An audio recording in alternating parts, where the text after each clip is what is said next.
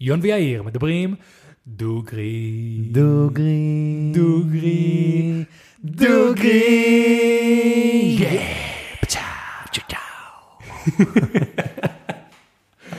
אהבתי את זה. כן, זה נשמע סבבה. זה טוב, זה טוב. אז שלום לכולם וברוכים הבאים לפודקאסט בואו נארח דוגרי, הפודקאסט שבו אני ויון מארחים דוגרי. והיום יש לנו את מור שאל, מה קורה? היי, מה נשמע? הכל טוב? מצוין. כן. קודם כל, אני חייב להגיד שאני ממש מתרגש, כן. בשבילי ובשביל אשתי, כי אנחנו הגענו אלייך דרך אשתי, היא עוקבת אחרייך כבר מלא זמן, וביח דבש שחזרתי ממנו לפני שבוע, כל הזמן, ב- ב- במל... אנחנו במלון, היא רואה, אתה חייב לראות, זה מעניין, וזה. אשכרה. ואז אמרתי לה, למה לא שאני לא אזמין אותה לפודקאסט? ואז שלחתי אליה הודעה, ותוך כמה ימים פשוט קבענו. מישהו יכול להסביר לי למה נשים יותר נמשכות לתוכן הזה? אה, זה שאלה, זה, ש- זה שאלה מעניינת. זה שאלה מעניינת. למה, כאילו, אה, שנייה, את שמה לב שיש לך יותר נשים שעוקבות אחרייך, זה באנליטיקה, או יותר שולחות אה, הודעות? 80 אחוז נשים, 20 אחוז גברים באינסטגרם. אשכרה. אבל זה השאלה זה האם זה ש, שעוקבים או שמגיבים. כי אנחנו שמנו לב שנגיד, חשבנו שהפודקאסט שלנו הוא מאוד מכוון לצעירים, מהמם. אבל שמנו לב אחרי זה שנכנסנו לאנליטיקה, שזה לא, פשוט הצעירים הרבה יותר מגיבים מאשר המבוגרים, לדוגמה. לא נכנסתי עד כדי כך לאנליטיקה, אבל אה, מבחינת עוקבים, יש לי 80 אחוז 20. וואו. זהו, מעניין. אני יודע שזה מאוד סטריאוטיפי, אבל מעניין כאילו אם זה העובדה שנשים הם יותר, איך קוראים לזה? נרצ'רינג? אה, זה- טיפוליות. טיפוליות קוראים לזה? כן. אז השאלה, אולי אם נשים הן יותר טיפוליות, אז יותר כאילו העניין של לעזור למישהו במצוקה הרבה יותר מדבר אליהם? יש בזה משהו? יכול להיות. או שזה קשור בכלל ל- לאינסטגרם עצמו, שיש שם יותר נשים? זה אה, כן? הגיוני? זה אין לי מושג. אין לי תמיד. חשבתי שגברים יותר ביוטיוב, נשים יותר באינסטגרם. האמת שאני עכשיו יותר בטיקטוק. ברגע שגילינו את הטיקטוק, בשביל, הפו- האינסטג... ה- ה- בשביל הפודקאסט, אני נהייתי די מכור לזה. כולנו מכורים לזה, אבל אתה לא חושב שזמנו מגיע לקצה? של טיקטוק? שעוד מעט... אה, כן. ההפך, אני חושב שהוא מתחיל ממש לכבוש והוא מוציא את אינסטגרם מהמשחק. כן? אני חושב שהבעיה שמה זה שהם עוד לא פיצחו את השיטה שלהם לעשות מזה כסף באמת, כי זה מאוד קשה.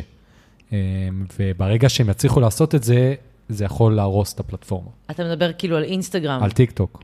שטיק טוק, כאילו, יש שם פרסומות עכשיו שהם התחילו לאט-לאט, אבל זה, זה עוד לא מניב מספיק רווחים, זה מה שאני ראיתי כשקצת חקרתי. אז לא נכנסת ללייבים שיש בטיקטוק. לא, וואי, הלייבים, אני, אני כל פעם שקופץ אחד, אני ממשיך כי זה. תמיד נראה לי כזה כן. ליים. כי זה- לא לזה באתי. למה, יש שם זה דברים? הקבצנים של ימינו, מה? מי שנמצא שם בלייבים של הטיקטוק. אני חוקרת את זה כבר איזה למעלה מחודשים. אשכרה. כן, וזה מחריד בעיניי מה שקורה שם, זה ממש... אה, מה, מה את רואה שם? יש שם כל מיני אנשים שפשוט מבקשים מילדים אה, כסף. כסף. אה, נכון. זה כסף בת, כאילו במתנות, אתה רואה כן. כל מיני אריות קופצים וורדים וכאלה, וזה... קוראים להם הקבצנים של ימינו, הם ממש אשכרה. מבקשים. וואו. אז זה היה, ואז אתה רואה שהבן שלך גייץ אה, 3,000 שקל באשראי או משהו. ממש ככה. נכון, יש תופעה שכל מיני אנשים שפשוט ישנים, אוקיי? ועושים מזה לייב, ואם אתה עושה אמוג'י כזה, יהיה רעש של פלוץ, ואם אתה שולח אמוג'י כזה, הוא יזוז. וכאילו, הדברים האלה עולים כסף. אתה פשוט צופה מישהו ישן, ואתה משלם כדי לראות אותו עושה משהו, זה משוגע כאילו, למה שמישהו אשכרה יוצא לזה כסף? אנשים מוצאים מזה כסף כי כנראה הם משועממים כמונו, והם מבלים שעות בטיקטוק. ומשום מה זה מעניין לראות בן אדם יושב מול מצלמה ומדבר איתך על... ועונה לך. אז מיני האמת. שלשם עדיין לא הגעתי. כן. אני אנחנו, בעצ... אנחנו, תסתכל. אנחנו שנתיים וחצי עושים את זה, ואנחנו אמרנו, אולי נפתח, יש דבר שנקרא פטריון, שזה כזה ליוצרי תוכן, שכזה, בוא תעקוב, תתמוך, תן דולר וזה, ואנחנו מתביישים כאילו לבקש את זה. כן. בטיקטוק יש את זה. יש את זה, זה פלטפורמה שהיא חוץ אה, פלטפורמות, זאת אומרת, אתה יכול לחבר את הטיקטוק שלך, את היוטיוב שלך, את הכל. כן. ואז זה, זה לתמוך, ואז אתה יכול לקבל תכנים לפני כולם, או כן. לבחור מה להעלות, איזה תוכן לייצר, כל מיני דברים. זה כזה מנוי חודשי, אם אתה נותן לי 10 שקל בחודש, אתה תראה את הפרק אה, יום לפני כן. אם אתה שם לי 15 שקל בחודש, אתה תקבל את המכוע, כאילו כל מיני דברים כאלה. גדול. אבל בגלל ש... טוב, נראה שזה גם עניין של, של, כאילו בארץ יש כמות העוקבים שאנחנו יכולים לקבל בגלל שאנחנו מדברים בעברית, היא כל כך נמוכה, אז ככה או ככה תמיד יהיה לנו איזו תקרת זכוכית שלא שווה את המאמץ הזה. נכון. כן. אז אה, כן. אה, שנייה, אז, אז התחלת לדבר בתחיל, ב, לפני הפרק על משהו ממש מעניין. התחלת לדבר על משהו שאת חושבת שאנשים לא מספיק מדברים עליו, שזה למה התוכנית שלך כל כך מצחיקה, אה, מצחיקה, מצליחה. אז קודם כל, בואו נעשה קצת אינטרו למי שלא מכיר אותך. אז בואי תגידי, מי אני? מי את? למה את כאן? כאילו, וואי, זה תמיד החלק הכי קשה, אבל כן? אה, אני אנסה לתמצת את זה למשפט. אוקיי. אה, אני צלמת, אמנית, שניסתה להיות אמנית כל החיים שלה בערך, אה, בכל מיני דרכים שונות. מהמם. ובזמן של הסגר הראשון בקורונה, מצאתי את עצמי יושבת בדירת חדר באלנבי על החלון, והיחידים שהיו ברחוב היו הדיירי רחוב. כן. והם לקחו את כל התשומת לב שלי, כי הם היו היחידים ברחוב והם הסתובבו בצעקות. ואשכרה לא הבינו איפה כולם, והם היו רעבים והם היו צמאים, והתחלתי איזשהו קשר איתם מהחלון. הכנתי להם סנדוויצ'ים, זרקתי להם בקבוקי מים, אה, וכשהיה אפשר לצאת, התחלתי אה, לשבת איתם. יצאתי עם המצלמה. אה, היה אז תקופה מאוד שקטה, אז הרשיתי לעצמי כאילו ללכת ליצור קצת. מהמם. ותיעדתי את המפגשים איתם, העליתי את זה לרשתות, ובום, נהיה. ויראלי. ואמרתי, יאללה, יש פה משהו שקורה, אז אני רצה עם זה. כן, והיום זה עמותה שמסייעת לדרי רחוב להשתקם. אשכרה. וכשהתחלת עם זה, את, רצ, כאילו, הוויז'ה שלך, כאילו, בהתחלה התחלתי עם אינטראקציה, עם דרי רחוב, להביא להם אמרת סנדוויצ'ים ומים וכאלה, ואז מתי שהחלטת לצאת עם המצלמה. יצאת עם מצלמה מצלמה, או יצאת עם הפלאפון? גם וגם. גם וגם. וכשיצאתי עם המצלמה, לפחות אני, אני, אני גם עוסק בווידאו, ואני יודע שכשאתה מצלם בפלאפון, או כשאתה מצלם עם מירולס DSLR, הגישה בראש שלך היא מאוד שונה לתוצר שאתה רואה בסוף. נכון. כאילו, כשאתה יוצא עם מצלמה מצלמה, אתה הרבה יותר חושב על משהו דוקו, סינמטי, אומנותי. לפה, אומנותי. וכשאתה עם, ה- עם הטלפון, אתה הרבה יותר חושב, כאילו, המוח שלך הרבה יותר הולך לאינסטגרם, טיק טוק, דברים כאלה, כאילו, דברים יותר בשלוף. אז כאילו, כשאת יצאת עם המצלמה, מה, מה, מה היה הרעיון הראשוני? כאילו, מה ראית בראש? לאיפה, מה, מה התוצר שרצית לעשות עם הדבר הזה? אז אני חוקרת את הרשתות החברתיות כבר תקופה, עוד מימיי כסטודנטית לצילום בוויצו בחיפה. אמ, כשהייתי סטודנטית, אז הדיבור שלי, או יותר נכון, מה שהתעסקתי איתו, היה למה אנחנו מתעסקים באומנות שהיא אומנות גבוהה. למה לא לקחת את האומנות ולהפוך אותה לאומנות להמונים, שכולם יצפו בה. ומאוד uh, סקרן אותי איך אני יוצרת אומנות שהיא זזה ברשתות החברתיות. הייתי גם נגד uh, גלריות ועוצרים, וכי הייתי מאוד uh, אחת של uh, אף אחד לא יחליט לי איזה אומנות, כן. ואף אחד לא יגיד לי מה אני יכולה לשים במוזיאון, מה אני לא יכולה לשים במוז- במוזיאון. אני אלך נגדכם, אני אלך לרשתות. כן. וכמובן, כולם אמרו לי, אין לך שום סיכוי להצליח. אה, ומאז ניסיתי, ניסיתי כל הזמן ליצור ברשת, אה, לעשות דברים שהם ויראליים. כן. וכשיצאתי לפגוש אותם, זה כבר היה משהו שהוא... אני רגילה לצלם את עצמי בווידאו, כשהפריים מסובב אליי ואני חצי ממנו. שרואים חצי פנים, כשזה עד היום. רואים חצי פנים ובן אדם לידי שאני מדברת איתו. מה הכוונה את רגילה? כאילו, עשית את זה לפני כן? עשיתי את זה לפני? כן עם ההורים שלי, עם... אז התעניינתי מאוד ב- בדת. וואלה. אז אה, אני כל פעם מסתכלת לשם, אבל בסדר. בסדר? הכל כן. טוב, בסדר. אז... יש מצלמות בכל הזוויות. אוקיי. סבבה. לא, אני פשוט לא רוצה שתעלה ממני, לא, שהראש לא, שלי הכל תקוע טוב, פה. הכל טוב. מה שכן, אם את יכולה קצת יותר להתקרב למיקרופון. עוד להתקרב ככה? כן. סבבה. שמעת את ההבדל? כן? SMR? סבבה, אוקיי. סבבה. אה, אז, בתקופה ההיא מאוד סקרן אותי הדת. אה, והייתי מדברת עם אנשים, אנשי דת, אה, שמתפגשת ברחוב. וואלה. נשים דתיות שהייתי פוגשת, אה, רבנים מסוימים, והייתי מדברת איתם בתוך הוידאו, מעלה את זה לסטורי קצר ומעלה לרשתות. אז העניין של לדבר עם אנשים ברחוב על נושאים קשים, זה לא חדש, כאילו כבר היה זה איזה התחיל לפני. בסיס. כן, זה היה לפני. וברגע שגילית את ה- את ההתעניינות שלך על דיירי רחוב, אז כאילו יישמת את זה לשם. כן, לחלוטין. וואו, זה מעניין. וזה מע- מעניין, כי ניסית, ניסית, ניסית, לא הצליח, לא הצליח, בסוף משהו תפס. כן. וואי, ניסיתי עשור על מלא דברים, וואלה. והכל לא תפס. מה עוד למשל? אה, הלכתי להיות דיילת באל על. וואלה. כן? בשביל זה? בשביל זה. עכשיו אני מדמיין אותך עם אה, קוקו מתוח. וואו. קוקו מתוח, איפור, כל השיט. אני לא רואה אותך ככה בכלל. אבל uh, אני, כמה ימים לפני סוף הקורס העיפו אותי על עודף ביטחון עצמי. מה, זה לא מה משהו? שקורה בסרט מטכ"ל או משהו? בלעד? באמת? זה יותר כן. גרוע מסרט מטכ"ל, מה? שקורה שם. כן. ממש. למה, למה, למה כאילו שעודף ביטחון עצמי יהיה רע לעבודה הזאת? ושנייה, איך, איך הם ראו את העודף ביטחון עצמי? היית מדברת הרבה? איך, מה, מה... הייתי, כן, הייתי, אה, הייתי באה עם המצלמה, הייתי עושה בלאגן, אה, הייתי כזאת, אתה יודע. אשכרה. אני באתי להיות ילד באלעל כדי להגיע לחו"ל. ורציתי לעשות סוג של... אה, רציתי להיות מיצג מהלך. רציתי. להדפיס את האומנות שלי על בגדים, ולהסתובב עם זה במוזיאונים, כשהכיתוב מאחורה, שהיה כתוב כאילו באנגלית, מהמם. אני טובה יותר מהקיר.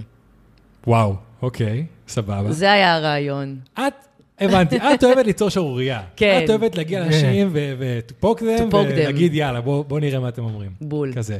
יון לגרדה, גם אתה כזה. גם אתה. וואו, כן, יש, יש בזה משהו, יש בזה משהו, אני מכבד את זה אמנים, לגמרי, כן. מכבד את זה לגמרי, וזהו, אז אני לא חושב שזה אמנים, כי אני חושב שיש אמנים שפשוט אוהבים להתעסק בעצמם, בלספר את הסיפור שלי, ויש אמנים שבדיוק אוהבים כאילו להתעסק באנשים אחרים. לא רק באנשים אחרים, אלא כאילו בדברים הקשים שהם רואים באנשים אחרים, בדוגרי של העולם. של, ב- בדוגרי של העולם. כי יש כל מיני דברים שאסור לנו לדבר עליהם, לא כדאי לדבר עליהם, זה לא יפה לדבר עליהם, ואז באים אנשים כמו מור ואומרים כאילו, על הזין שלי, כאילו, אני רוצה לדבר על זה, צריך לדבר על זה, הנה זה פה, בוא, בוא, בוא תגיד שזה בעיה. אני אחדש לך משהו. כן, תחשי לי. כל אמן, כן. לא משנה במה הוא מתעסק, הוא מתעסק בעצמו. גם כשאני נפגשת עם דיירי רחוב, אני כן. מתעסקת בעצמי. וואלה, איך? חד משמעית, זה טיפול. כשאני פוגשת דייר רחוב. אני מפתחת איזשהו קשר אך ורק עם דייר רחוב שאני רואה בו את עצמי. ואני רואה כמעט בכל אחד משהו בי. וואלה, בטח. כמו מה למשל? אה, דייר רחוב עם הרס עצמי. דייר רחוב אה, דיכאוני. דייר רחוב שהוא אמן שלו הצליח לממש את עצמו. אה, בכל אחד מהם אתה פוגש את עצמך לגמרי.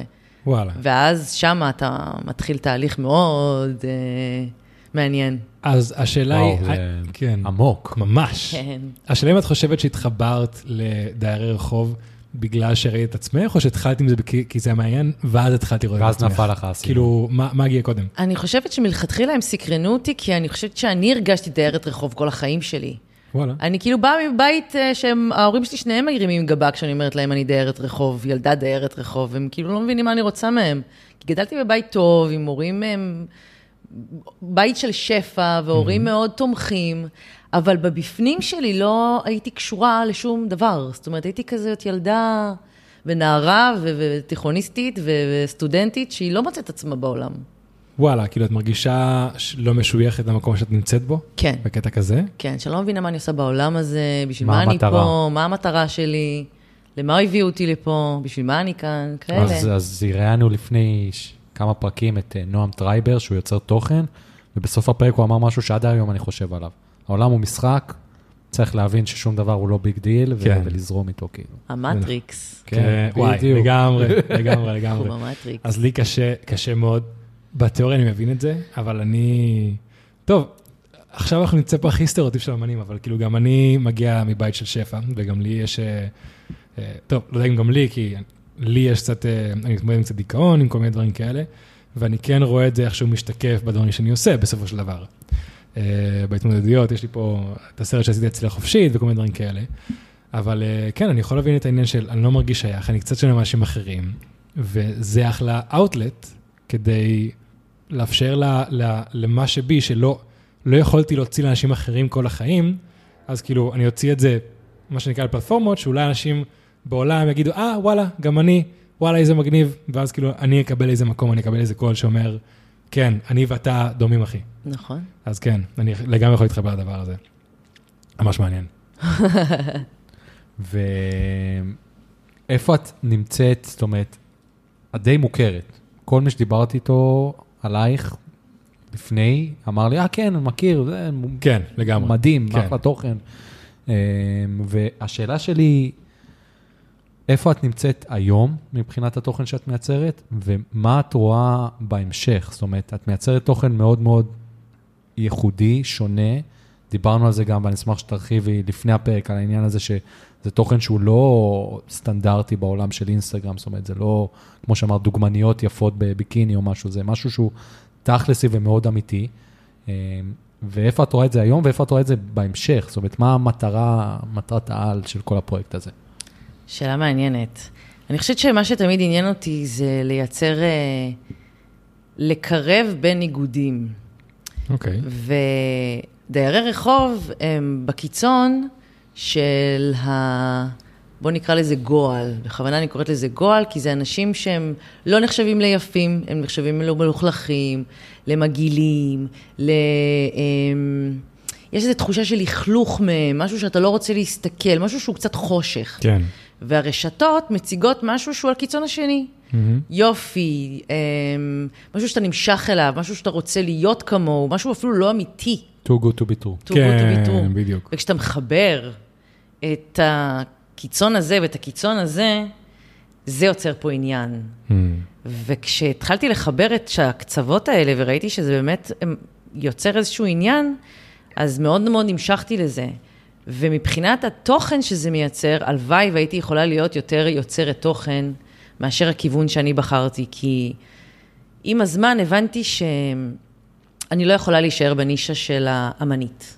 רק יוצרת תוכן, רק בודקת, רק מסתכלת, כי יש פה באמת נשמות שזקוקות לעזרה, ומאיזושהי סיבה, יש, יש לזה תשובה, אבל התוכן שאני מייצרת גורם להם לצאת מהרחוב. ואז uh, הייתי צריכה לשלב בין האומנות לבין האקטיביזם, ובשלב שאני נמצאת בו עכשיו, האקטיביזם תופס 90% מהזמן, והאומנות 10. וואלה. כן, שזה וזה- קצת קשה, כן, זה יחס אה, שבטח הוא... הוא קשה. כן. קשה. זהו, אבל זה נשמע שמצאתי איזה בלנס בין, כמו שאמרתי, להתעסק בעצמך, לעשות אומנות, ולעזור. כי לא יודע, כאילו, יש, יש את הדוגמה של אה, זוהר, נכון? קוראים לו זוהר לבחור יפה. שבצבא, היה כזה שנתיים בקבע, שהיה שלוש שנים בקבע, וכאילו הוא נהיה צחה מסחרת. נכון? הוא היה כזה מכור לנייס גאי, משהו שהתעסק בנייס גאי.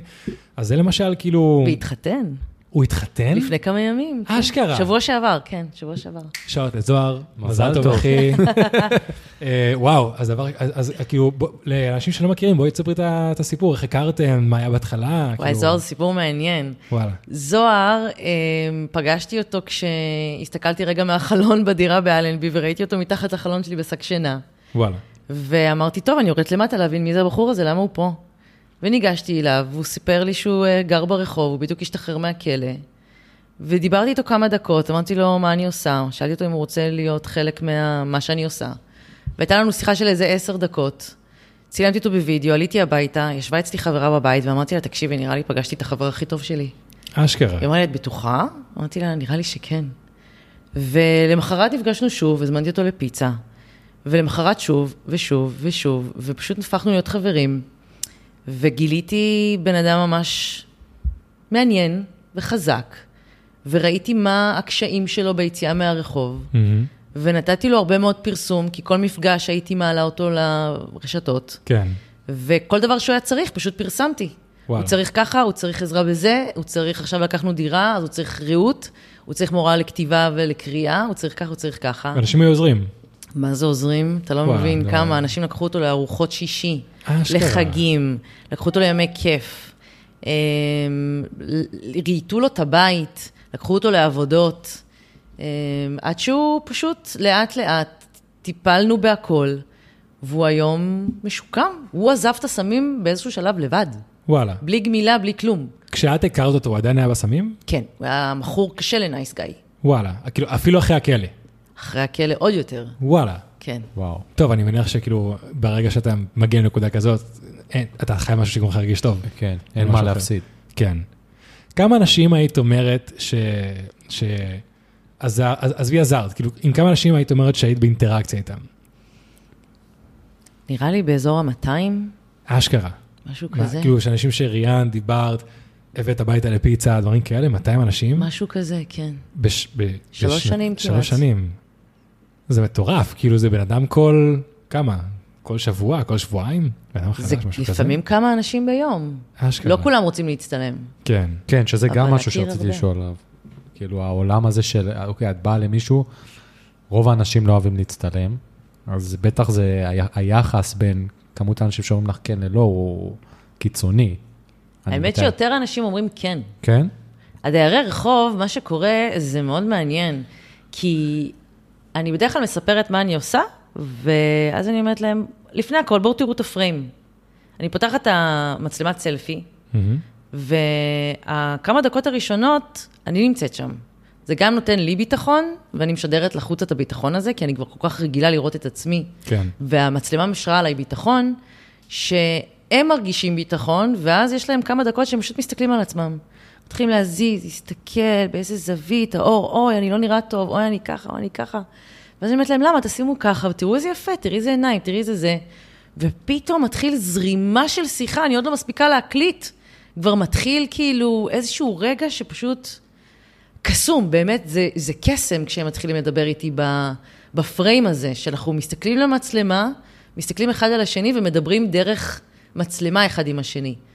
קורה שם משהו אחר. תקשיבי, מה שאת מתאר- מתארת פה זה, זה, זה גאוני, כי חלק מהקשיים שאנשים שיוצרים וידאו, יוצרים דוקו, יוצרים תוכן, זה הקושי של להצליח שמישהו יהיה עצמו ירגיש בנוח מול המצלמה. שזה כאילו אצל היוצרי דוקו, אתה יודע, הענקיים. בוא עכשיו נגזים ונגיד סשה ברון, כל, כל האנשים האלה, לגרום לבן אדם להרגיש בנוח מול המצלמה ולהוציא ממנו מה שאתה רוצה, כאילו נקרא, להוציא ממנו מה שאתה רוצה, שירגיש בנוח, שידבר על עצמו, שיהיה הוא. שיהיה הוא, זה אחד הדברים הקשים. ואם את אומרת שאת מצליחה את זה עם אנשים שלא רגילים למצלמה, שנמצאים במקום מאוד רע בחיים שלהם, עם מצלמת סלפי, בכמה דקות, תקשיבי, זה, זה כאילו, זה יכול להיות מדהימה. זה יכול להיות כאילו, אבל אתה אשכרה שואל אותם לפני כן, את לא כאילו מתחילה לצלם פשוט, לא, זה ואז כאילו, נראה. אף פעם לא. כן? אף פעם לא. זהו, תמיד אני מסבירה זה להם לא כזה לפני. נותן הרבה מקום כזה ל... לא, לא, עזבי, אני לא רוצה שיצ- שיצלמו אותי? לא, מה פתאום? מה פתאום? אני תמיד באה אליהם, אני מקסימה אותם. וואלה. אני כובשת אותם, ישר. אני מתחילה להגיע תמיד עם חיוך גדול, מה נשמע, מה שלומך, אה, וואי, איזה יפה אתה. הם תמיד מאוד יפים בעיניי, זה אפילו לא יוצא לי כשקר. וואלה. כן, אני אומרת להם, איזה יפה אתה, ואני צלמת, ואני עושה איזשהו פרויקט, בוא תראה רגע משהו. מהמם. אני מדליקה את המצלמה, אפילו לא מצלמת עדיין. אני אומרת לו, אתה רואה את הפריים, אתה רואה אותי פה? בוא נדבר רגע, אכפת לך שנעשה איזו שיחה שנייה קצרה? כן. ואז הוא מתחיל לזרום, ואני מתחילה לשאול אותו שאלות, וזה מעניין אותם. אשכרה. הם אוהבים את הבמה הזאת מאוד. וואלה. כן, תשמע, זה בן אדם שאף אחד לא... זה בדיוק מה שאני חשבתי. כן, לא מגיעים אליהם אנשים ויוצרים איתם קשר, בדרך כלל נותנים להם כמה שקלים והולכים, אה, או ששואלים אותם מה הם רוצים לשתות והולכים. פה מגיעה מישהי, מהמם. out of the blue, ומתחילה איתם איזשהו, ולשאול אותם, תשמע, אני שואלת אותם שאלות שהן לא שאלות סטנדרטיות, הן שאלות על אלוהות, הן שאלות על העבר שלהם, הן שאלות על אה, מה הם רוצים בעתיד, מה הם, אה, איך החיים שלהם עכשיו, כל מיני כן. שאלות יותר קצת עמוקות. כן. וזה זז לפי הבן אדם, וזה זה יוצר מעניין, אני רואה שזה גם מעניין עבורם. וואלה. כן, הם מתעניינים בזה גם. הם אחר כך ישר כותבים לי, או מחפשים אותי ברחוב, זה עלה כבר, מתי זה עולה?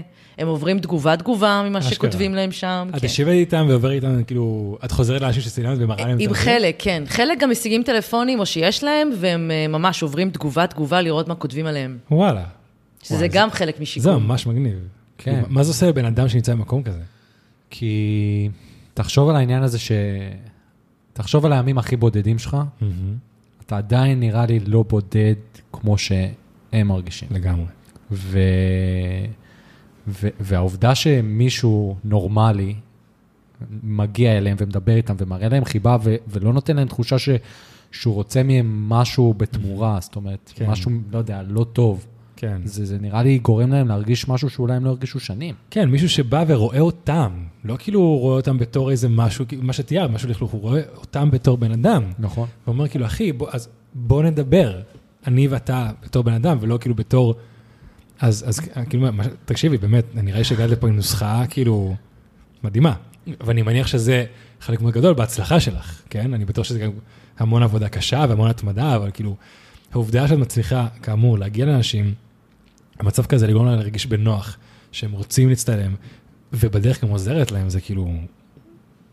זה, זה גאוני, כן, זה נוצר גאוני. פה איזה משהו מגניב. כן. היו ממש. רגעים אבל מפחידים? בטח. לא מפחידים ממקום של הם איימו עליי, או שהרגשתי מהם איזושהי תחושה של חוסר נוחות. הרגעים המפחידים זה להיות חשופה למצבים מפחידים. כמו למשל? אמ, לראות דיירת רחוב שאני מאוד אוהבת בזמן שהיא נמצאת עם לקוח. אוקיי. אמ, מולי. אה, לראות דייר רחוב מפוצץ בדם אחרי שמישהו, אני לא יודעת מי, הרביץ לו והוא בא והוא כולו מחייך, וכאילו, איך אתה מתמודד עם סיטואציה כזאת? אה, רגעים שהם מאיימים לי להתאבד, רגעים שהם אה, מספרים, הם, אני יכולה לשבת עם דייר רחוב, והוא יספר לי על העבר שלו, שזה עבר קשה, כן. כמו לספר לי מה הוא אוכל לארוחת בוקר. זאת אומרת, אם אני אתן דוגמה, זה כן, אבא שלי עשה לי ככה וככה וככה וככה, והוא מדבר את זה כאילו, הוא ממש עכשיו סיפר לי מה הוא אכל לארוחת צהריים. וואלה. כאילו, ברגיל. בנונשלנט. בלונשלנט. ואני יושבת ואני צריכה, אתה יודע, מנגנוני הדחקה פשוט עובדים פול ספיד. במצבים האלה. כן, כי אתה חייב להראות לו שאתה חלק מזה. אם כן. הוא אדיש לזה, אז אני חייבת להיות אדישה לזה, ולא להגיד, מה? באמת? לא, זה כזה, אוקיי. אז, אז מה אני... מה יקרה אם תראי רגש? מה את חושבת שיקרה? אני מנסה שלא. אני מנסה להיות החזקה במקום הזה, של... אה, אני פה חזקה, לא משנה מה אתה אומר, קטן עליי, אני לא מתרגשת, זה לא, לא נוגע בי. כן, כי זה יכול להרתיע. נכון. כן, את חושבת שזה יכול להרתיע? קרה לי מצב אחד עם דייר רחוב, זה היה בערך בפעם השלישית או הרביעית שפגשתי דייר רחוב בווידאו, ושאלתי אותו שאלה שהייתה כנראה אמ, לא מתאימה. שאלתי אותו, זה היה סטס, שאלתי אותו אם הוא רוצה משפחה משלו, והוא התחיל לבכות. אוי. וזה היה בן אדם שרק הכרתי, וזה היה אחרי כמה דקות של שיח, ואני נבהלתי מזה שהוא בכה. ואמרתי לעצמי, אוי ואבוי, הוא התחיל לבכות, כנראה הוא יתקוף אותי עכשיו. זה מחשבות ראשוניות. אשכרה. כן. ופשוט אמרתי לו, טוב, אני נראה לי, אני נראה לי, עדיף שאני אלך, נכון? הוא אמר לי, לא, זה בסדר, תישארי, טוב שאני בוכה. אז... פשוט ישבתי שם ונתתי לו זה דווקא לבכות. נשמע לי משהו טוב. דבר ראשון, נגעת לו בנקודה מאוד רגישה, אבל הוא הרגיש מספיק בנוח כדי שתישארי שם ותהיי איתו ברגע הזה. אז זה דווקא לא נשמע לי כמו דוגמה פחות טובה. זה נראה כמו דוגמה נפלאה. אה, בלי זה היה מאוד אה. התחלתי, ואוקיי, מה עשיתי? שזה מעניין, כי מצד אחד באמת בא כדי לדבר עם אנשים ולהוציא מהם משהו, אבל ברגע שיוצא משהו קצת יותר רגשי, אז זה מרתיע אותך במקום מסוים. אז זה דווקא בלנס מעניין. היום פחות, היום... כן. אה, תראה, אני מאוד מנסה לשמור עליהם. מהמם. אני מאוד מנסה לא להביא אותם לאיזשהו קצה, שהם לא יתפרקו לגמרי, והם לא... אה, יצא מהם איזשהו משהו שהוא בלתי נשלט, כי אני לא טיפול, אני לא מטפלת, אני לא יודעת כן. איך להכיל את ה...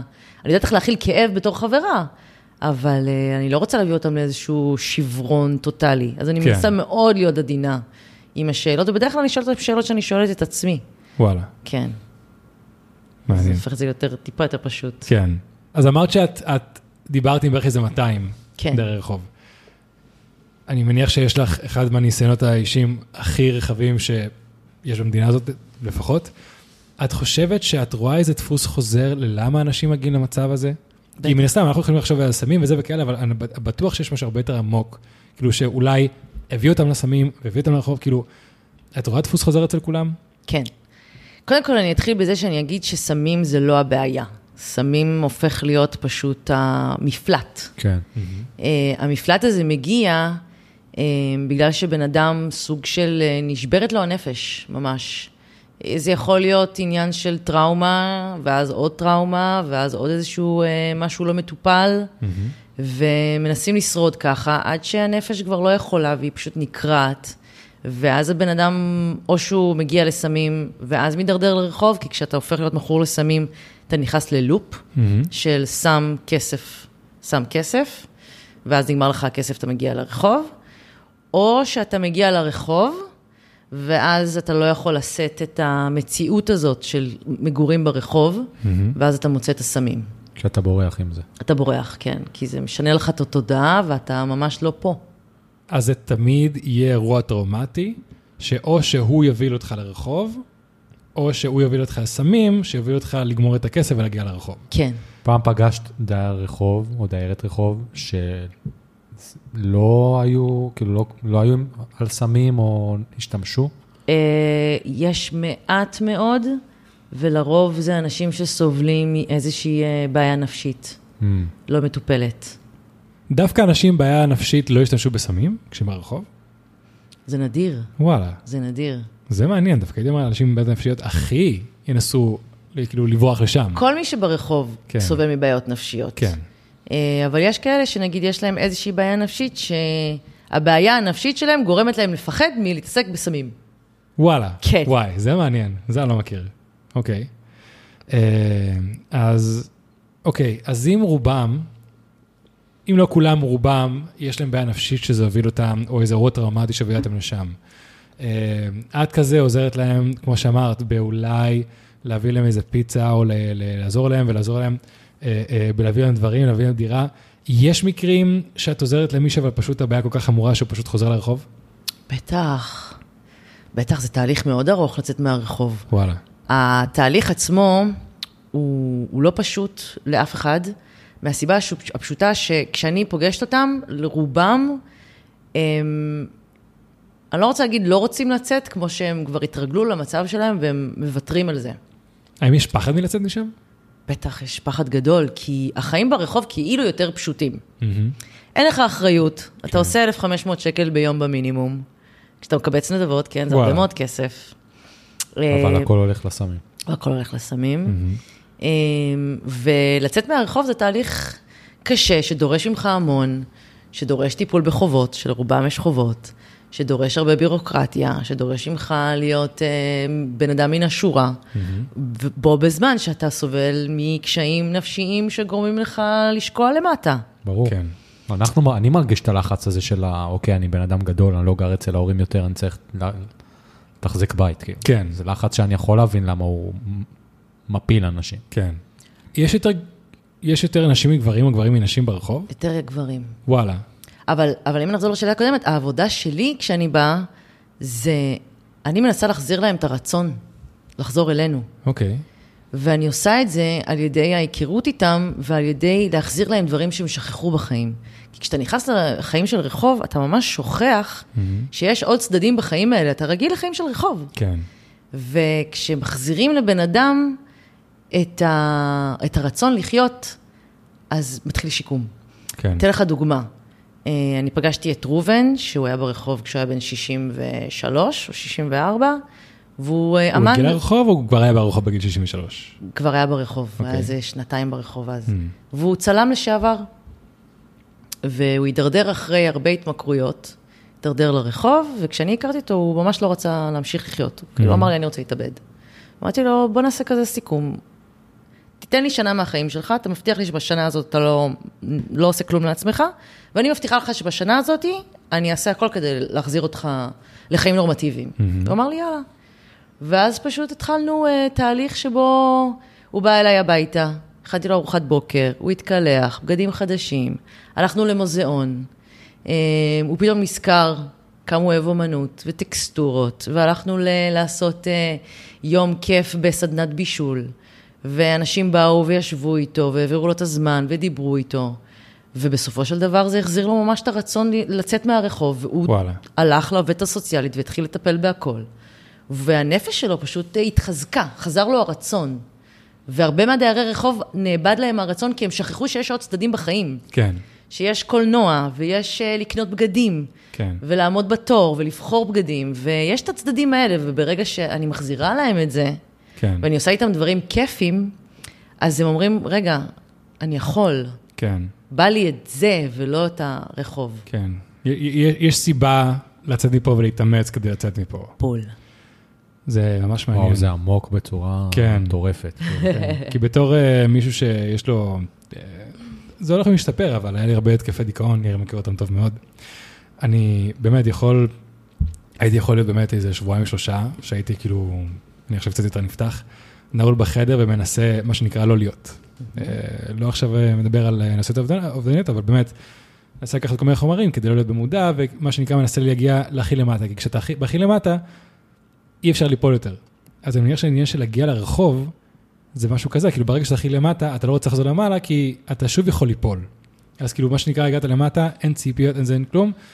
אני בסדר פה, התרגלתי, כן. כאילו, אז עכשיו הכל על הזין שלי. אין ציפיות, אין מטרות, אין שום דבר. אז זה גם מאוד ממכר להיות במקום שאתה לא יכול ליפול ממנו. יש בזה משהו במה שאני אומר? יש בזה משהו, כן. בטח, הרבה מהם מתמכרים למקום הזה. כן. וגם משכנעים את עצמם. ש, ש, שזה ש... הדבר שמתאים כן, להם. כן, מה אני צריך יותר מזה? היה לי דייר רחוב כזה, זה, הוא עכשיו נשוי. אה, וואלה. פאבל. כן, כשאני הכרתי אותו, היה לנו שיחה של איזה שעה, מחוץ ל-AMPM, שבה הוא ממש שכנע אותי שטוב לו להיות מכור להרואין, וכל מה שהוא רוצה זה להיות ברחוב, כן. ולעשות את המנות שלו, והוא לא צריך שום דבר מעבר לזה. אה, רצה הגורל, העליתי את הוידאו שלו. הרבה חברים שלו מהעבר פשוט לקחו את הרכב, חיפשו אותו בכל תל אביב, מצאו אותו, לקחו אותו לבית של חבר. כאילו חברים שלו מהעבר? כן, לקחו. אותו לבית של חבר. Um, הוא גר אצלו איזה כמה חודשים עד שהם הצליחו להחזיר אותו לגמילה. נכנס לגמילה, התחזק, התחזק גם בדת. וואלה. אה, ולפני כמה חודשים התחתן, והוא נקי מהרואין כבר שנתיים וחצי. אשכרה. שנייה, אז, אז כל, כל זה, מהרגע שהיה ברחוב, שהוא אמר לך את זה, עד עכשיו עברו של, כמה, שנתיים וחצי, שלוש? וואו. תקשיב, לצאת מהרחוב, להיגמל מהרואין ולהתחתן בשלוש שנים, זה מרשים מאוד. מאוד. כן. בקטע אחר. אה, נכון, היה גם מקרה של בחור בשם וסילי, נכון? כן. בחור בשם וסילי, נראה לי גם אותו ראיתי בהרבה כתבות, שהוא דווקא מקרה, ממה שהבנתי, כאילו, פחות הלך לו, נכון? נכון? הוא, כאילו, דיברתם, אני, ספרי יותר את הסיפור. אני אספר את זה אבל בקצרה. וסילי כן. הוא אה, בחור, אה, הוא היה דוגמן. הוא היה דוגמן, כן. הוא בחור מאוד מאוד יפה, מהמם. שכשאני הכרתי אותו הוא היה בן איזה 22, 23. כן. חי חיים של רחוב מגיל מאוד צעיר, התרגל לרחוב. אה, אין לו איזושהי בעיית התמכרות קשה חוץ מאלכוהול וקצת וויד פה ושם. מהמם. אה, והוא משהו, ש... היה בו משהו שנורא נורא נגע בי, אני חושבת שזה ההרס העצמי. ההרס וההלקאה העצמית מאוד הזכירה לי אותי. ולקחתי אותו בשתי ידיים ואמרתי, יאללה, אנחנו מתחילים ש... תהליך ביחד. העברתי אותו לגור איתי. גר איתי באותה דירה, בדירת חדר, באלנבי. ישנו באותה מיטה במשך חודשיים. אשכרה. כן, זה היה ההארדקור של ההארדקור וואי, את, שהגזמתי. אה, והתחלנו תהליך, וזה היה תהליך יפה, שבו הוא קיבל אה, סוכנות וסוכן וקמפיין, אה, ודירה במתנה לשנה. אשכרה. והוא נכנס לזוגיות. מי, מי, מי הביא לו דירה למתנה? חברה שברח לי השם שלה עכשיו. וואלה. אבל מ- כאילו, מטעם העבודה של אה, כן, הדוגמנות וכאלה? כן, כן, כן. וואלה. היא ראתה את הסיפור שלו, בעלים של חברה, שתכף אני אזכר, היא ראתה את הסיפור שלה, של וסילי, וזה ממש נגע לליבה. והיא פשוט נתנה לו דירה במתנה לשנה בתל אביב, והוא גר שם, אה, אבל אה, זה היה בום גדול מדי. כן, זה שמע זה- overwhelming. זה היה מאוד overwhelming, ועל פניו הוא באמת אה, לקח את זה בשתי ידיים ומינף את זה, אבל ברגע שהזוגיות נגמרה, הכל פשוט בבום, נפל. הוא לא הצליח להחזיק את עצמו. הוא זה. לא הצליח להחזיק את עצמו, הוא גם לא היה מוכן לשמוע לקבל תמיכה, הוא היה צריך תמיכה הרבה יותר אה, חזקה ממה שהייתה לו, מהמם. והוא חזר לרחוב כן. למשך כמה חודשים, אה, ועכשיו הוא מתחיל אה, תהליך של שיקום עוד פעם. וואלה. כן, עכשיו הוא עובד כטבח, והוא בונה את עצמו לאט-לאט. יאללה, וסילי, אם אתה רואה את זה, כל הכבוד, אחי. אנחנו בעדך. מקווים ש... לא פשוט, לא פשוט, כן. לא, כי זה, כי זה נשמע ממש קשה, כאילו העניין של להיות במקום נמוך, לעלות, ליפול, ואז להגיד, יודע מה, בוא נעשה את זה שוב. כי באיזשהו מקום אני מרגיש שהתהליך של ניסיתי את זה וזה לא עבד, אז למה שאני אעשה את זה שוב? זה כאילו, אז להגיד, בוא נעשה את זה שוב, זה תהליך ממש קשה. כן. מאוד. ממש קשה. אבל שתדע טוב. שהרבה מהם פוחדים, גם אלה שיצאו מהרחוב, הם מאוד פוחדים לחזור. והייתה לי שיחה על זה עם זוהר, שאלתי אותו אם כאילו הוא לא פוחד אה, להידרדר לרחוב עוד פעם. וואלה. והוא אמר שאין סיכוי שזה יכול לקרות לו למרות הפחד, כי יש היום כל כך הרבה עוגנים סביבו, שלא ייתנו לו. שזה אני ואשתו ועוד אנשים שהוא הכיר במהלך התקופה הזאת, שהפכו להיות ממש חברים קרובים שלו, והמשפחות אומנה חזרו איתו לקשר. יש לו היום כזה צי של אנשים סביבו, שאף אחד מהם לא ייתן לו ליפול כמו שהוא נפל פעם. כן, שאפילו אם יחזרו השדים או הקולות שגרמו לו להגיע לרחוב הפעם הראשונה, הפעם כאילו יש אנשים מסביבו, שהקול שלהם יותר חזק. ויש לו למי הללו. לפנות, היום כן. הוא יכול, הוא, היום הוא אמיץ מספיק להגיד, קשה לי, כן, אני צריך אותך, אני. צריך עזרה, כן. זה קשוח. זה קשוח מאוד. מה כן. את עושה, בסופו של דבר, הסיפורים שאת, שאת מספרת פה, זה, זה מטורף מבחינתי, ו... מה את עושה בשביל לשמור על, על עצמך? זאת אומרת, לא מבחינה פיזית שיתקפו אותך, אלא מבחינת הנפש שלך. כאילו, את מתמודדת ביום-יום עם, עם דברים ש... נכון, יש את הרגעים השמחים ו- ו- ואת ההצלחות, אבל לראות כל כך הרבה רגעים עצובים בחיים, זה, זה משהו שבסופו של דבר הוא קשה. אז מה את עושה בשביל שאת לא תיכנסי לאיזה לופ של מה הולך עם העולם הזה, מה, מה אנחנו עושים פה? כן, הייתי- בשלוש שנים מזה, איך את לא. השתגעת כאילו מהדבר הזה? היה לי, היה לי תקופה של שיגעון. כן? הייתי בטח.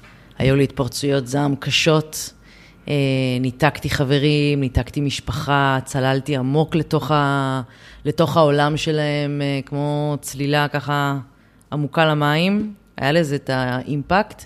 היום אני קצת יותר רגועה, היום אני קצת אה, לומדת לקחת את זה לא ללב במאה אחוז. ואני אגיד שגם מנגוני הדחקה עובדים מאוד מאוד חזק, ואני סוג של אה, אומרת לנפש שלי, תשתקי, כאילו, פשוט תשתקי. וואלה. יש... כן, אני כאילו לא סופרת אותה קצת, כן. אני לא נותנת לה כל כך ביטוי, כי אני יותר מוארת מה, מהכללי שקורה. מהמם. כי גם אם אני נחשפת לאיזשהו משהו קשה, אני דקה אחר כך, מישהו ברחוב רואה אותי ואומר, יואו, איך אני אוהבת מה שאת עושה, את לא מבינה מה עשית לי, אני פעם פחדתי והיום אני לא פוחד, אני ניגש, ופתאום פק אור. וואלה. ממש, ככה. כאילו, ברגעים שהכי קשה לי, פתאום מגיע איזשהו משהו שאומר לי, זוכרת למה את עושה את מה שאת עושה? אז תזכרי שנייה, כן. ויהיה בסדר. ואני מתחשלת, אני באמת מתחשלת. אם פעם היה לי הרבה יותר קשה, היום יש לי טיפה יותר כמו, כמו רופא, אתה יודע שרופא בהתחלה כאילו קשה לו עם דברים, ואז זה עובר לידו קצת. אז אני לא רוצה להגיד שזה עובר לידי, אבל אני כאילו יותר מבינה היום שאני לא יכולה להציל את כל העולם, ואני לא יכולה כן. לעזור לכולם, ואני עושה את הכי טוב שאני יכולה, ואני גם הולכת לטיפול. ויש לי גם, אני חשוב. גם מטופלת בכדורים. חשוב בוא, מאוד. בוא נציין גם את כן. זה, שזה מאוד עוזר. בדיוק. והמשפחה, אני היום אה, הרבה הולכת, נוסעת לחיפה, להיות עם המשפחה שלי. מהמם. כן, יש. ראינו סרטונים ש- עם ההורים שלך, זה... כן, העלית אה. לאחרונה, יחסית, ביולי כזה, נכון? כן, שהראית את אבא שלך ואת אמא שלך. זהו, אז כאילו, מה מה- מה ההורים שלך חושבים על כל הדבר הזה? כאילו, ראינו קצת מה שאמרו, אבל- אבל אני מניח שיש להם עוד כמה דעות על דברים שהם לא אמרו מול המצלמה.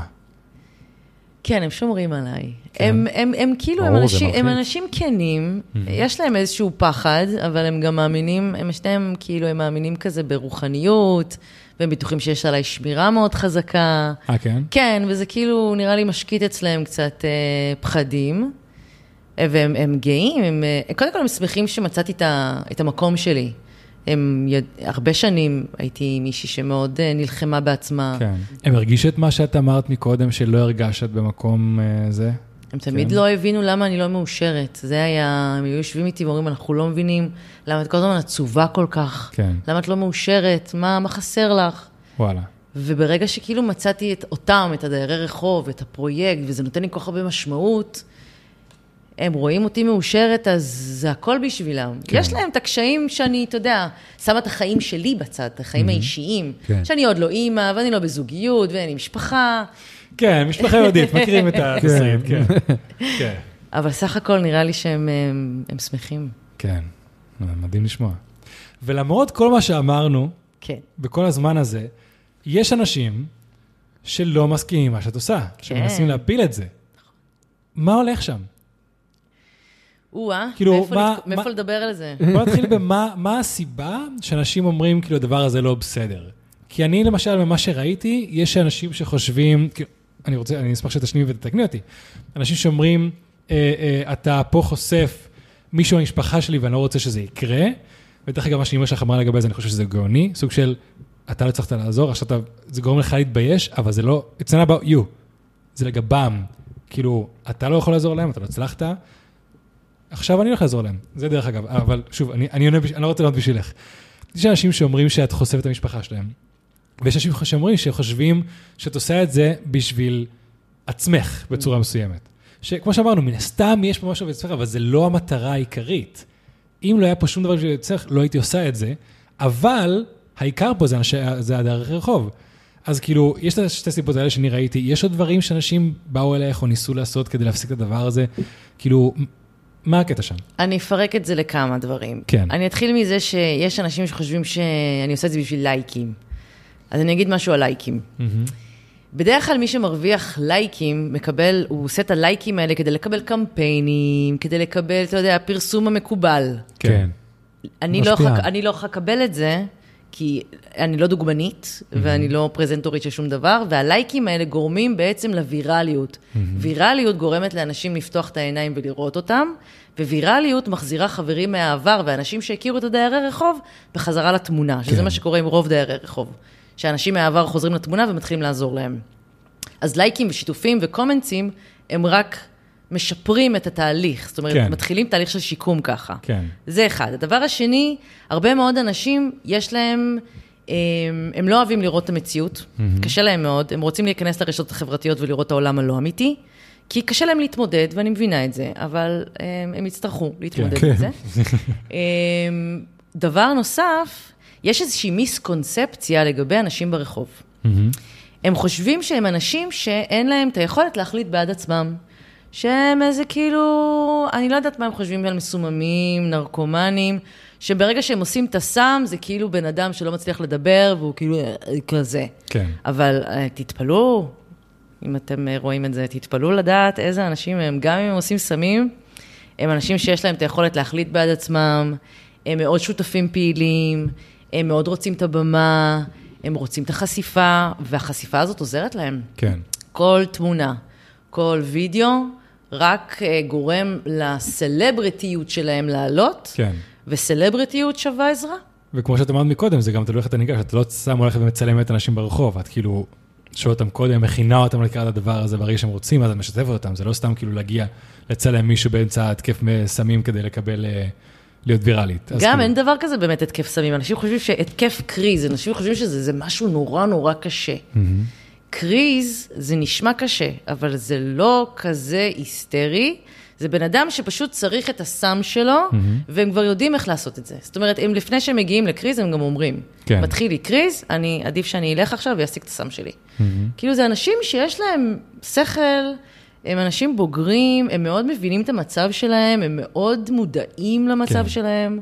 אבל כן רואים מדי פעם כזה סרטונים, או איזה פוטה של מישהו בקריז או מישהו בסם, שנראה מסוכן לציבור. כן, מה ראית? מעניין אותי. אה, לא יודע, אנשים למשל על מס, שמתחילים לצרוח על אנשים, נכנסים לפח, זורקים דברים על אנשים. על, על אנשים אחרים. היה מישהו שהיה ערום והתחיל לרוץ ספרינט ל, ל, לכיווני ולאיים עליהם משהו, כאילו זה... פה בארץ? האמת שלא, זה, זה קרה ב-LA, המקרה הזה, אבל כאילו עניין של, של לראות מישהו שנראה אלים, לא ראיתי אף פעם מישהו תוקף, אבל כי, כי אנשים רצו ממנו, אבל יצא לי לראות.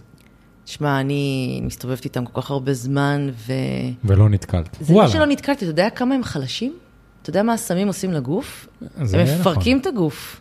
אני לא סתם, אני אומרת לכם, אני, אני באמת מסתובבת ולא פוחדת, כי הם יותר חלשים ממני. וואלה. כן, כן, מי שמכור להרואין הוא מאוד חלש, גם מי שמכור לקריסטל, מאוד מאוד חלשים. אני יכולה להבין אנשים שמכורים לאלכוהול. בן אדם שמכור לאלכוהול ושותה לשוכרה, אז הוא יכול להיות אלים. וגם האלכוהוליסטים, אלכוהוליסטים, הם, אה, הם כבר כל כך רגילים לאלכוהול, זה אנשים שאין להם שיניים, הגוף שלהם מאוד מאוד חלש. כן. זה לא האלכוהוליסטים של המסיבות, ששותים כן. פעם למות ומתחילים להשתולל. הערסים שיש מסביבם, כן, כמה כן, חברים כן. שזה, כן. כן. יש לך פה סנט הנאטים, מכירים את הסיפור. כן. כן. אה, כן, זה סטיגמות. זה סטיגמות על דיירי רחוב, שאני אני מבינה גם למה הם שם, אבל ברגע כן. שאתה מתחיל להכיר אותם, וזה הסוג של עבודת קודש שאת עושה, זה להנגיש את זה, תקראו לזה, ל- ל- לציבור. כי לדוגמה, אני יכול להגיד, המקרה שלי פתח ממש את העיניים, זה, זה כששיר התחילה להראות לי את התוכן שלך, אז הדבר הראשון שראיתי, זה היה לפני ממש מעט זמן, זה היה הבחור שנמצא ב, בירקון שם, ב, ליד ליאור. הנמל, כן. ואני ראיתי אותו מלא פעמים כשעברתי שם, ותמיד נרתעתי ממנו. וואלה, ופתאום אני רואה אותך יושבת לידו, והוא היה נראה בן אדם מדהים. כן. הוא ילד, ואני חטפתי כאפה, כאילו, אני די התבאשתי גם בעצמי. באמת. ממש, אני יכול להגיד שהתבאשתי בעצמי, כי, כי עברתי לידו, וזה תמיד היה כזה, אוקיי, לא, מה, כזה, עזוב אותי, ו, ו, ו, ו, ופתאום הבנתי שבואנה, היה מטומטם, כאילו. כן. למה לא הלכת לשאול אותו מה, מה קורה? ו, וזה קשה. אמ, כן. כן. כאילו... יש למשל גם את ה... אני כל הזמן רואה בסביבות שוק הכרמל, איזה... אני לא יודע אם זה בחורה, אישה מבוגרת, אבל היא כזה רזה, יש לה פשוט רסטה אפורה. רונה. משהו- רונה קוראים לה? הכרת אותה? צריך לדבר איתה? כן, רונה, אמ, רונה מכורה לאלכוהול ממה שאני יודעת. רונה, נגיד, היא הדוגמה היחידה שאני יכולה להגיד שהיא מאוד מאוד לא צפויה. אוקיי. אמ, רואים שהיא סובלת מאיזושהי אה, מצוקה נפשית, אני לא יודעת בדיוק מה. איתה אני מאוד מאוד זהירה. אה, כי היא באמת לא צפויה, וזאת מישהי שהייתה צריכה לקבל טיפול ש... כן. לפני שנים, וליבי יוצא אליה כשאני רואה אותה ברחוב, כן. כי היא נגיד אוספת כסף בשביל אה, לשלם 300 שקל כדי לא לישון ברחוב, היא ישנה באיזה מלון, מלונית שגובה ממנה 300 וואלה. שקל לערב. כן, ובגלל זה היא ככה בהיסטריה, היא בהיסטריה כל היום להשיג כסף. אשכרה. אז זה, אני מרגיש שהיא למשל, כמו שאמרתי, לא צפויה וכאלה, היא נשארת לנו אולי יותר בראש כי היא יותר קולנית, כי היא יותר צפויה. אבל אנחנו עוברים ליד דיירי רחוב כל הזמן, שכנראה, כמו שאמרת, הם הרבה יותר uh, behaved, הם, הם מנומסים. מנומסים, מתנהגים, אבל מנסים לשרוד רק. מנסים לשרוד, אבל אתה לא שם לב אליהם, כי אתה שם לב לאנשים כמו רונה. וזה למה נשאר לנו בראש שהם לא צפויים, שהם אלימים, שהם מסוממים, שהם כל מיני דברים כאלה. כשתכלס, זה לא המצב ברוב הפעמים.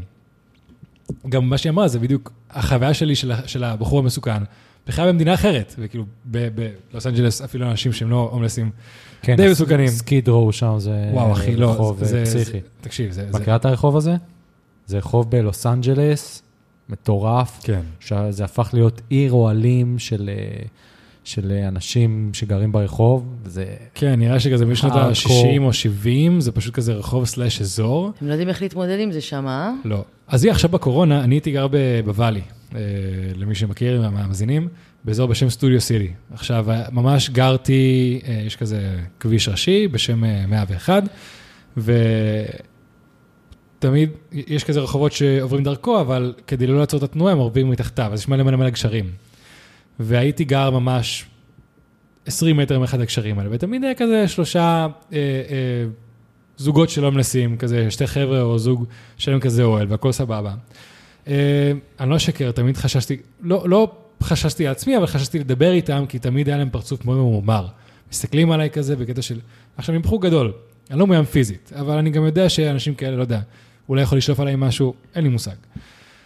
וברגע, מה שקרה בקורונה, מי שהייתה שותפה שלי שם, אמרה, אני יצאתי בארצות הברית במרץ 2022, ב-2020, היא אמרה, תקשיב, ברגע שיצאת והתחילה הקורונה, אה, כל המחירים, כל מי שלא הצליח לשלם ולא היה לעבודה, כולם היו, כאילו, כל הגשרים האלה שהיו, היו מפוצצים ב-20, 30, 40 אה, אה, אה, אוהלים, אנשים כל הזמן, וכאילו, אזורים כמו בברלי הירס, זה מקומות מסוכנים, כי אנשים שפשוט בגלל הקורונה נהיו הומלסים, אז פשוט כי זה נהיה כל כך הרבה אנשים עצבניים על הממשל ועל החברה ועל הכלכלה, הם התחילו להיות אלימים. וואו. כאילו, זה מקרה יוצא דופן בגלל כן, הקורונה כי שם גם אין להם. כל כך עזרה, אני חושב, בארצות כן. הברית זה מאוד אה, כן, סוג של קפיטליסטי, כזה- כאילו. כן. כן, בדיוק. אתה מידרדר, אתה מידרדר, זהו. כן, בדיוק, כאילו- אתה לבד.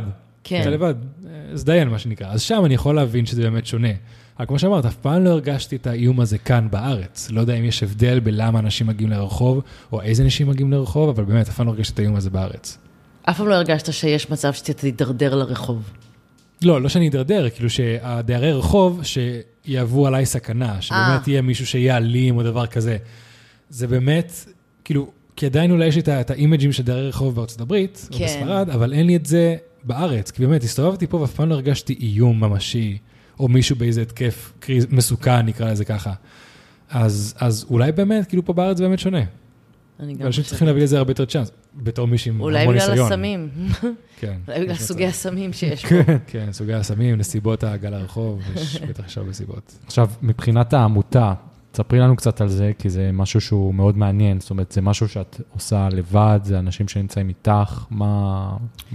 אז כל, כל הבחירה של בכלל לפתוח עמותה היה מהסיבה הפשוטה שהרגשתי שקורה פה משהו שהוא גדול ממני, שכאילו פיצחתי איזשהו, עליתי על איזשהו סוד, שלא,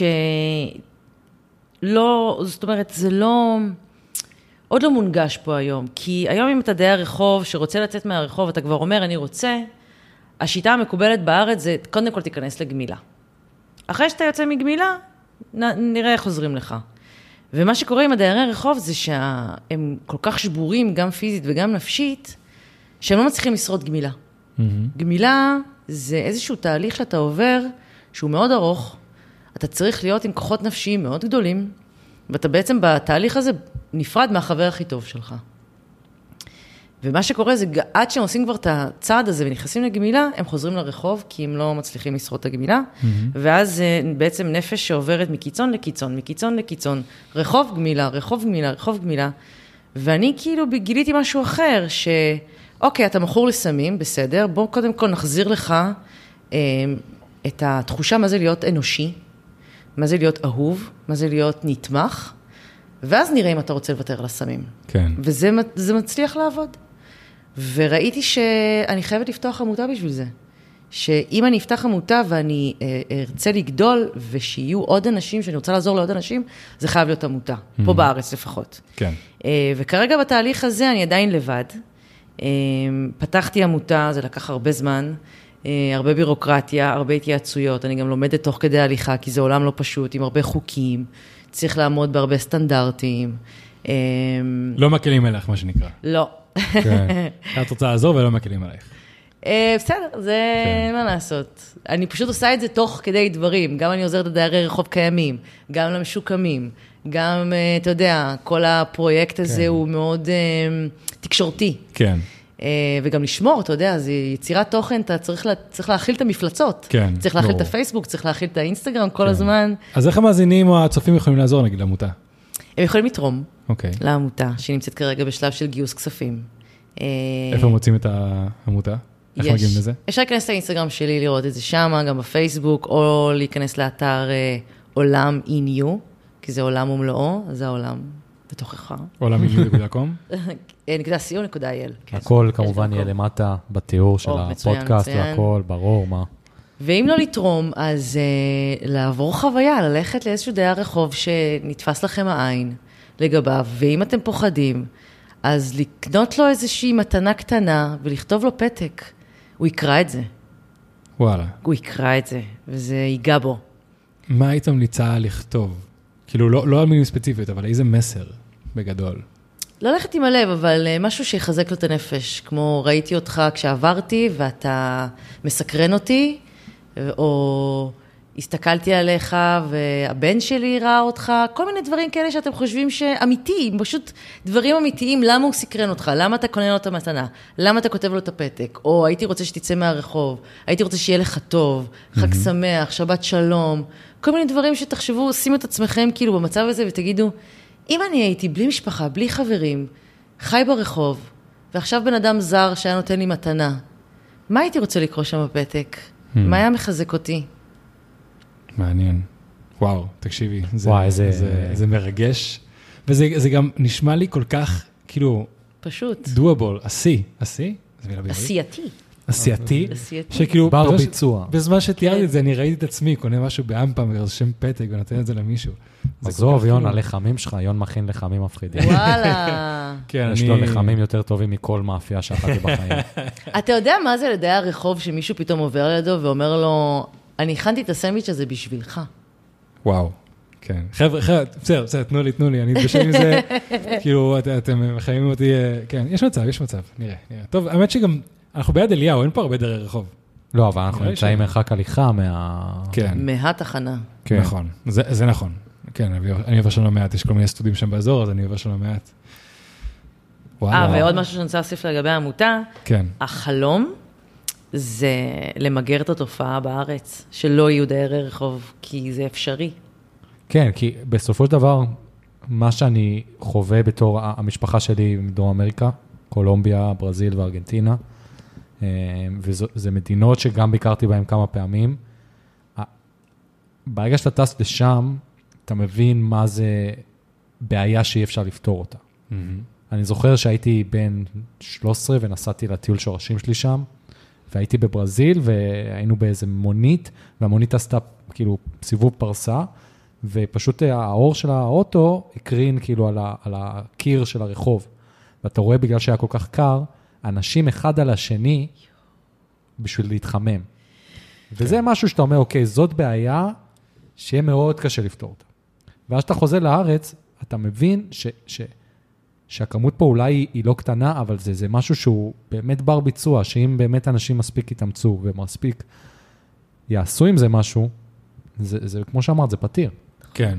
כי כנראה אנחנו אף פעם לא נעצור את תופעת הדרי רחוב. כי כמו שאמרת, כאילו, נסיבות החיים, טראומות פשוט מביאות אותך לשם. אבל כן אפשר, מה שנקרא, להוציא אותם הרבה יותר מהר במקום להשאיר אותם שם שאר החיים, או לתת ללמוד איזה צ'אנס. וזה נראה לי הכי עשי. הוצאנו פה מילה חדשה. נשיא. עשי, כן. דואבול. צריכים למצוא מילה לדואבול. אני גם חושבת שצריך להיות גם שיטות לתפוס את זה לפני. להכניס פה את עניין הטיפול, הרבה יותר, טיפול נפשי, להכניס יותר חזק, לנוער, למתבגרים. כן, מדברים על זה לא מעט בפודקאסט, כן. כן, שזה בעיה, כאילו חצי שנה עד שאתה מקבל טיפול, אה, זה, זה במקרה הטוב חצי שנה. גם זה... על זה יש סטיגמות חזקות, מה, אתה הולך לפסיכולוג, אתה הולך למטפל, אנשים לא מבינים כמה זה משפר לך את החיים כן. ומונע ממך להיכנס למקומות שאתה לא יודע איך לצאת מהם. אז בתור מישהו שעלה מספרד, דווקא בארץ, זה יותר כאילו, כמו שאמרת, מה, אתה הולך לפסיכולוג, אבל שם זה נגמר. אף אחד פה לא רואה אותה בתור, בתור משוגע, כי בספרד נראה לי עד היום, אם אתה אומר לפסיכולוג, מסתכלים עליך כאילו, כאילו, אתה, אתה משוגע, יש לך איזה בעיה כלשהי? ופה זה כזה יותר התעניינות. אה, אני לא אשקר, אה, פסלו לי כבר איזה דייט או שתיים בגלל שאני בטיפול, די. אבל זה לא תופעה מאוד נפוצה יחסית למה שאני מכיר ממקומות אחרים. אז העניין של טיפול פה הוא יחסית במקום טוב, אבל באמת אני חושב שצריכים להפוך את זה להרבה יותר קל, לדבר על, כמו שאמרת פה, כאילו דיברת על עצמך, דיברת על דברים מאוד פגיעים, שלא התעמקנו פה יותר מדי, אבל, אבל ממש פתחת פה אה, אה, אה, קשיים שלך מהעבר. אני מדבר על קשיים שלי יחסית באופן אה, קבוע בפודקאסט, כדי להפוך את זה לדיבור הרבה יותר שוטף, כי הרבה אנשים פשוט שומרים את זה בפנים, בקטע של צריך להיות חזק וצריך להיות זה וצריך להתמודד, והרבה אנשים לא מצליחים להתמודד עם זה, ואין להם עם מי לחלוק את זה, והם מגיעים לנקודות, נקודות מאוד אה, נמוכות בחיים. אה, אז כן, יש מצב שבאמת, לדבר יותר על בריאות נפשית באופן קצת יותר שוטף ויותר נורמלי, יכול למנוע מיותר אנשים להגיע לרחוב. אז אם אני כבר, התחלנו את הפודקאסט עם זה, מה גורם לאנשים להתעניין בפרויקט, ב- כן. בדיירי רחוב, אני חושבת שזה בגלל הפתיחות שלהם על הבעיות שלהם. וואלה. כן, כי הם מדברים על בעיות שכולנו יש. נכון. דיכאונות, ויתור עצמי, חוסר כן. הצלחה, הלקאה עצמית. וזה, לאיפה זה יכול להוביל? כן, וכולנו מתחברים לזה, כי כולנו סובלים מזה. אנחנו חושבים ש... שיש את זה רק לנו, אבל זה, אתה יודע למה זה מגיע, זה באמת מגיע בגלל הרשתות החברתיות. וואלה. אם יותר אנשים היו פותחים את האמת לגבי מה שעובר עליהם ביום-יום, היינו מדינה מתוקנת. וואי, לגמרי, לגמרי. כן, זה, זה האידיאל. זה באמת לצערי, האידיאל. יאיר כן, מכיר עשינו אותי. פרק- עשינו פרק שלם על העניין הזה של אה, כן, צריך ללכת לפסיכולוג. כן. זה היה פרק אה, ממש מעניין וחשוב. כן. למי שמעוניין, אני זוכר את זה עד עכשיו, פרק 89 של פודקאסט בוא נדבר דוגרי. אה, כן, דיברנו שאני באמת מאמין שכולם מתישהו צריכים ללכת לטיפול. אם אתה חושב שאתה צריך, או אתה לא חושב שאתה צריך, כנראה שממש כדאי לך. אבל כן, אה, לצערי, יאיר מכיר אותי, אני לא ממש מאמין באנושות ככלל. אז אני לא באמת חושב שכאילו, העניין של כולם יכולים לעזור לכולם, חושב שזו שאיפה לא, לא ריאלית, אבל השאיפה שחלק מהאנשים יכולים לעזור לחלק מהאנשים, כמו שאמרת פה, סתם, רק התיאור שאמרת לגבי מתנה למישהו, זה כבר, אני התחלתי לדמיין את עצמי עושה את זה.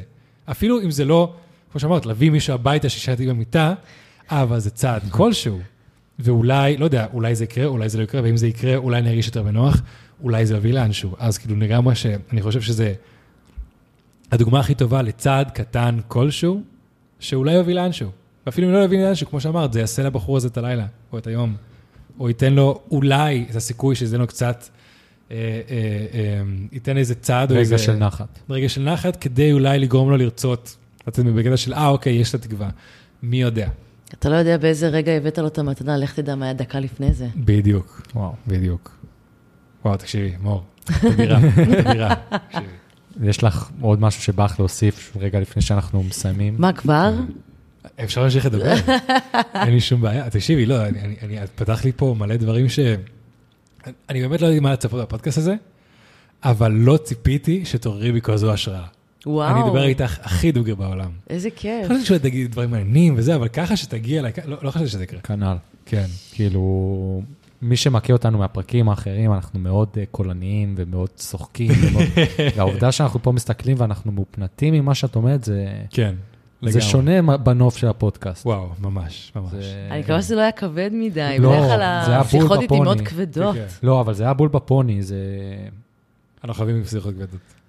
כאילו, המטרה של ה... של ה... שהתחלנו לראיין אנשים, זה מצד אחד כן, שיהיה את הרגעים הכיפים והמצחיקים, ורגע של נחת, אבל אני חושב שגם הרגעים האלה הם רגעים כל כך חשובים, ו... ויש לנו אנשים שמקשיבים לנו, שבאמת אוהבים את התוכן הזה, ו... ו... ומקשיבים למה שקורה פה. כן. אז אני חושב שבאמת אנחנו אני מאוד מתרגש שאנחנו עושים את הפרק כן, הזה. זה- לגמרי, לגמרי. איזה כיף לי. אה, כן, כאילו, חבר'ה, אם אתם מאזינים, צופים, תגידו אם זה, אם זה, אם זה, אתם מתחברים למה שאני מרגיש עכשיו, כי זה fucking... אני, אני, אני, אני כל כך רוצה שהרגש הזה יישאר איתי ככה לשאר הימים, כי אה, לא בא לי שאני ארגיש את זה עכשיו ככה, וברגע שנסיים את הפודקאסט זה ירד, ואני... בא לי אשכרה לעשות את זה מתישהו. בא לי אשכרה מתישהו לקנות איזה דבר קטן, איזה... נשים פתק, ממש בא לי, ממש בא איזה לי. יופי. כן. אם כן, אני אשלח לך הודעה ואני אגיד לך שעשיתי את זה. יאללה, אני אשמח. סבבה. אפילו תצלם לי מה כתבת אם אתה רוצה. יאללה, מגניב, סגור. אה, כן, אז עם מה לי נסיים, אתם אומרים? כן, נראה לי, נראה לי זה אחלה אווירה כדי לסיים את הפודקאסט, אחלה מסר אחרון. כן. נראה לי ניגענו במלא נקודות נפלאות. אה, ו- כן. כן, כמו שהתחלתי להגיד כבר כמה פעמים. אני רוצה להגיד משהו אחרון. יאללה. יאללה. דווקא כן. לא קשור לדיירי רחוב. דווקא אני חושבת שקשור לכולנו. שאם יש איזשהו רגע, ויש הרבה רגעים כאלה, שבן אדם מרגיש שקשה לו וכואב לו, והוא לא יודע מה לעשות עם זה, אז הוא באמת לא לבד. גם אם הוא ממש מרגיש שהוא לבד, זה משהו שהוא זמני, ההרגשה הזאת, מהמם. היא עוברת, וזה לא בושה כן, להתקשר לחבר, או להיכנס רגע לאיזשהו צ'אט איפשהו ולנסות לשתף את זה. לגמרי. זה בסדר, כן. זה חשוב. וללכת לטיפול זה ממש לא בושה. גם. ממש ממש לא בושה. זה דווקא די אמיץ. אם, את- אם, אם החבר'ה מסביבך חושבים שזה בושה ואתה הולך לזה, זה דווקא די אמיץ. אני גם אשים, יש מספרים, נכון, של... אה, אתה יכול להתקשר ולדבר עם אנשים. כן, אני יודע שיש את זה כן. אה, רק כן, איזה יש באיזה-? יש איזה תחנת רכבת בהרצליה, אני חושב, שיש שם טלפון, שאתה מרים אותו, וזה מתקשר ל- ל- למוקד הזה. אשכרה, מה אתה אומר? חיוג ישיר כזה. לא הכרתי. כאילו, זה כל מה שהטלפון הזה עושה. לא אז, הכרתי. אה, אז אני אשים את ה... אני אחפש את זה ואני אשים את זה גם. חשוב. סגור. וואו, שמעו. זה- אה, אז קודם וואו, כל, מדהים. מאוד רוצים להודות לך. כן. תודה רבה לכם. היה מדהים. דבר ראשון, על הזרימה. זאת אומרת, העובדה שלפני פחות משבוע שלחתי לך הודעה, ופשוט אמרת כן, שאני רואה עד כמה את עמוסה ביומיום שלך, ופשוט אמרת כן, זה, זה, זה לא מובן מאליו. אה, ואת עושה עבודה שהיא מטורפת. אה, כן. ואנחנו מודים לך, כאילו, באמת. כן. ותגידי לאנשים איפה הם יכולים אה, למצוא, כאילו דיברנו על העמותה, אבל איפה יכולים למצוא אותך, איפה את נמצאת, איפה את חפש מפרסמת. מור שעל, פייסבוק, אינסטגרם, עוד מעט טיק טוק קצת. יאללה. או מגניב. ברחוב, בואו להסתובב בתל אביב. ניפגש. יאללה, מגניב. תודה שהזמנתם אותי, היה לי כיף. תודה שבאת. תודה על הבירה. ברור. אנחנו אנשים של בירה. גם אני. ועד כאן, לפודקאסט, בואו נארח דוגרי. פודקאסט שבו אני ויון מארחים. דוגרי. דוגרי. דוגרי. יאללה, ביי חברים. ביי. סלמת, חברים. דוגרי!